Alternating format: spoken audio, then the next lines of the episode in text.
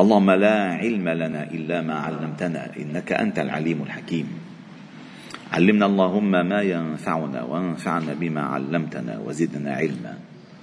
واجعلنا ممن يستمعون القول فيتبعون أحسنه. وأدخلنا برحمتك في عبادك الصالحين. وبعد. فلا نزال معكم أيها الأحباب الكرام في مجالس القرآن ضمن دروس قرآن الفجر. وقد انطلقت بنا سفينة التدبر وحطت بنا في أول شواطئ سورة النساء. هذه السورة التي تتحدث عن أمورنا الداخلية وتنظيم شؤوننا الأسرية والاجتماعية.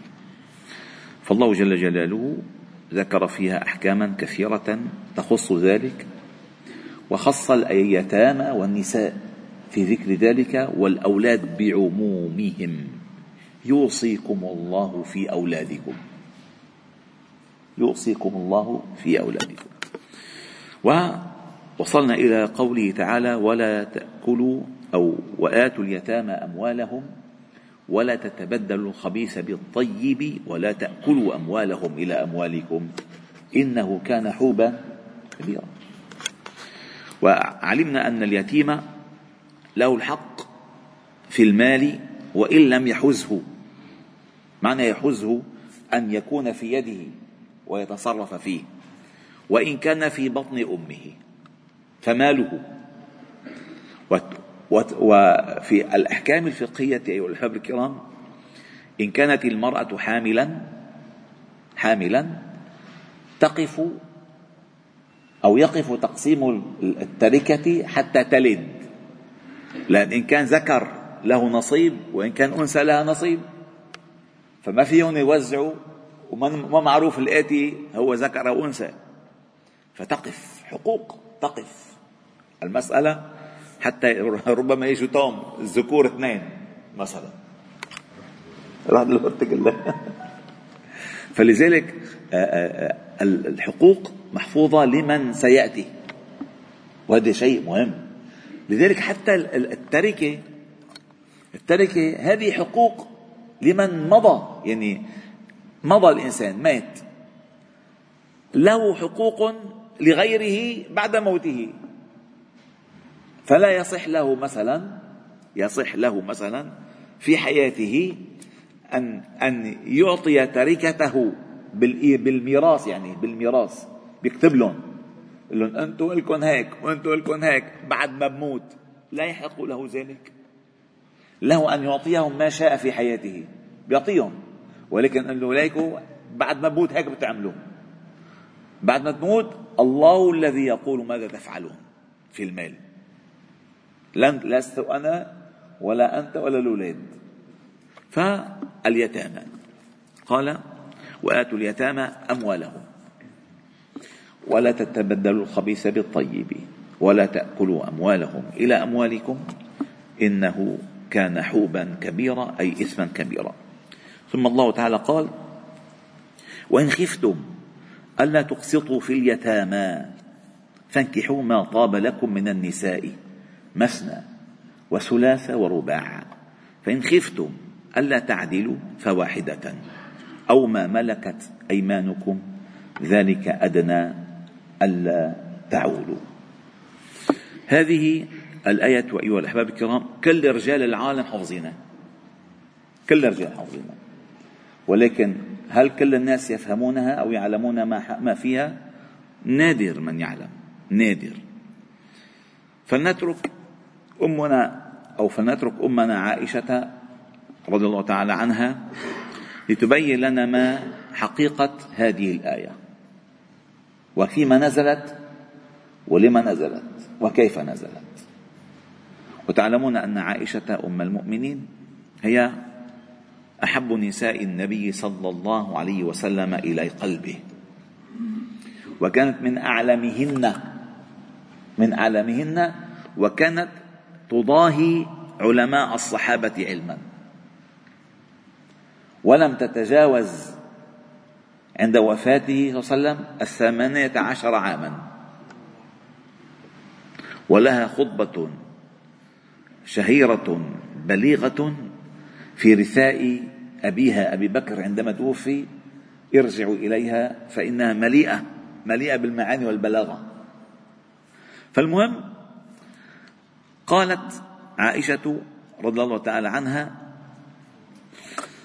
عن عروة عروة بيكون ابن أخته ابن أسماء عروة بن الزبير. قالت وإن الناس استفتوا رسول الله صلى الله عليه وسلم بعد هذه الآية فأنزل الله تعالى ويستفتونك في النساء قل الله يفتيكم فيهن وما يتلى عليكم في يتامى النساء أو في الكتاب في يتامى النساء. الأصل في هذه الرواية أيها الأحبة الكرام ما رواه البخاري ومسلم وأبو داود وغيرهم عن عروة بن الزبير أنه سأل عائشة أم المؤمنين رضي الله تعالى عنها فقال يا ابن فقال قالت له يا ابن أختي هي اليتيمة هي اليتيمة تكون في حجر وليها تشركه في ماله ويعجبه مالها وجمالها فيريد وليها أن يتزوجها من غير أن يقسط في صداقها فيعطيها مثل ما يعطي غيره. يعني قبل ما نكمل ما قالت عائشة الصورة. لأن نحن عم نتحدث عن اليتامى وآتوا اليتامى أموالهم. وهذا اليتيم فقد الولي فأخذ ولايته قريبه أو قريبه. فقد تبلغ سن النكاح فيطمع هذا الولي في نكاحها طمعا في مالها. أنه منضم منضم للمعسكر وبصير مالنا أكثر. منضم للمعسكر بصير مالنا أكثر. فليست هذه مقاصد الزواج ابدا. للنساء غيرها كثير أو بالعكس تماما. امرأة يتيمة ذات دين وليس عندها مال فيرغب عن نكاحها لقلة مالها. هذا لا يصح وهذا لا يصح لأن المقصد من الزواج ليس المال. هذا لا يصح لا يصح أن يرغب بزواجها لمالها بزواجها لمالها أو أن يرغب عن زواجها لقلة مالها. إذ أنه هو وليها. إذ أنه هو وليها. فالأصل إن كانت قليلة المال فهو أولى بها أن يأخذها إلى معسكره فيكسر مالها من ماله ويأخذ أجرها مرتين. وإن كانت كثيرة المال فالأولى أن يتورع عن أخذ مالها ويختار غيرها من النساء. هذا أولى له. ويترك لها نصيبها أو أن يعطيها صداقها كما كانت. يعني مثلا هي كثيرة المال لحتى نعطيها مصاري. يلا منضبها هذا كمان لا يصح.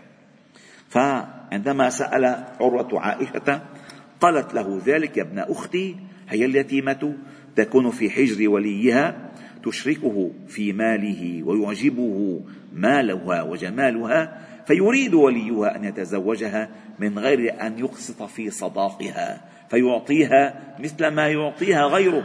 فقال قالت عائشة وإن الناس استفتوا رسول الله صلى الله عليه وسلم بعد هذه الآية فأنزل قوله تعالى ويستفتونك في النساء قل الله يفتيكم فيهن. وما يتلى عليكم في الكتاب في يتامى النساء اللاتي لا تؤتونهن ما كتب لهن أي من الصداق وترغبون أن تنكحوهن.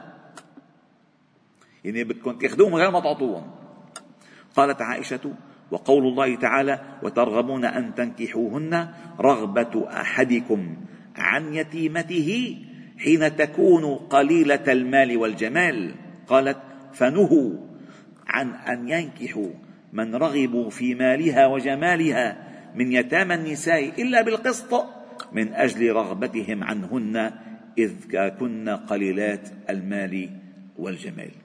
إن هذا هذه القاعدة. رغبان فيها لماله ورغبان عنا لقلة ماله أو الأصل أي وإن كان رغب فيها بمالها فيعطيها حقها من مالها وصداقها كغيره كما يعطي غيرها. وإن كانت قليلة المال فالأولى أن يأخذها هو ويكثر مالها بماله ويضمها إليه. هذه هذه الآية. وإن خفتم ألا تقسطوا في اليتامى. هذا النقطة هيدي الفاصلة. كل هالعلم اللي ذكرناه كل هالمسائل اللي ذكرناها هي عندها الفاصلة. لذلك القرآن عظيم البيان. في آه، كل كل شيء فيه علم. وإن خفتم ألا تقسطوا في اليتامى. شو فانكحوا ما طاب لكم من النساء. في نساء كثير مثنى وثلاثة ورباع. فإن خفتم ألا تعدلوا فواحدة. أو ما ملكت أيمانكم.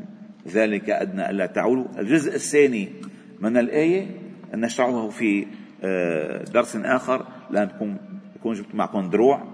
وجدت معكم استعدادات هائلة حتى تستمعوا. ما الله يقول في كتابه عن هذه المسألة والحمد لله رب العالمين. سبحانه وبحمدك نشهد أن لا إله إلا أنت. نستغفر ونتوب إليك وصلي وسلم وبارك على محمد وعلى آله وأصحابه أجمعين. والحمد لله رب العالمين.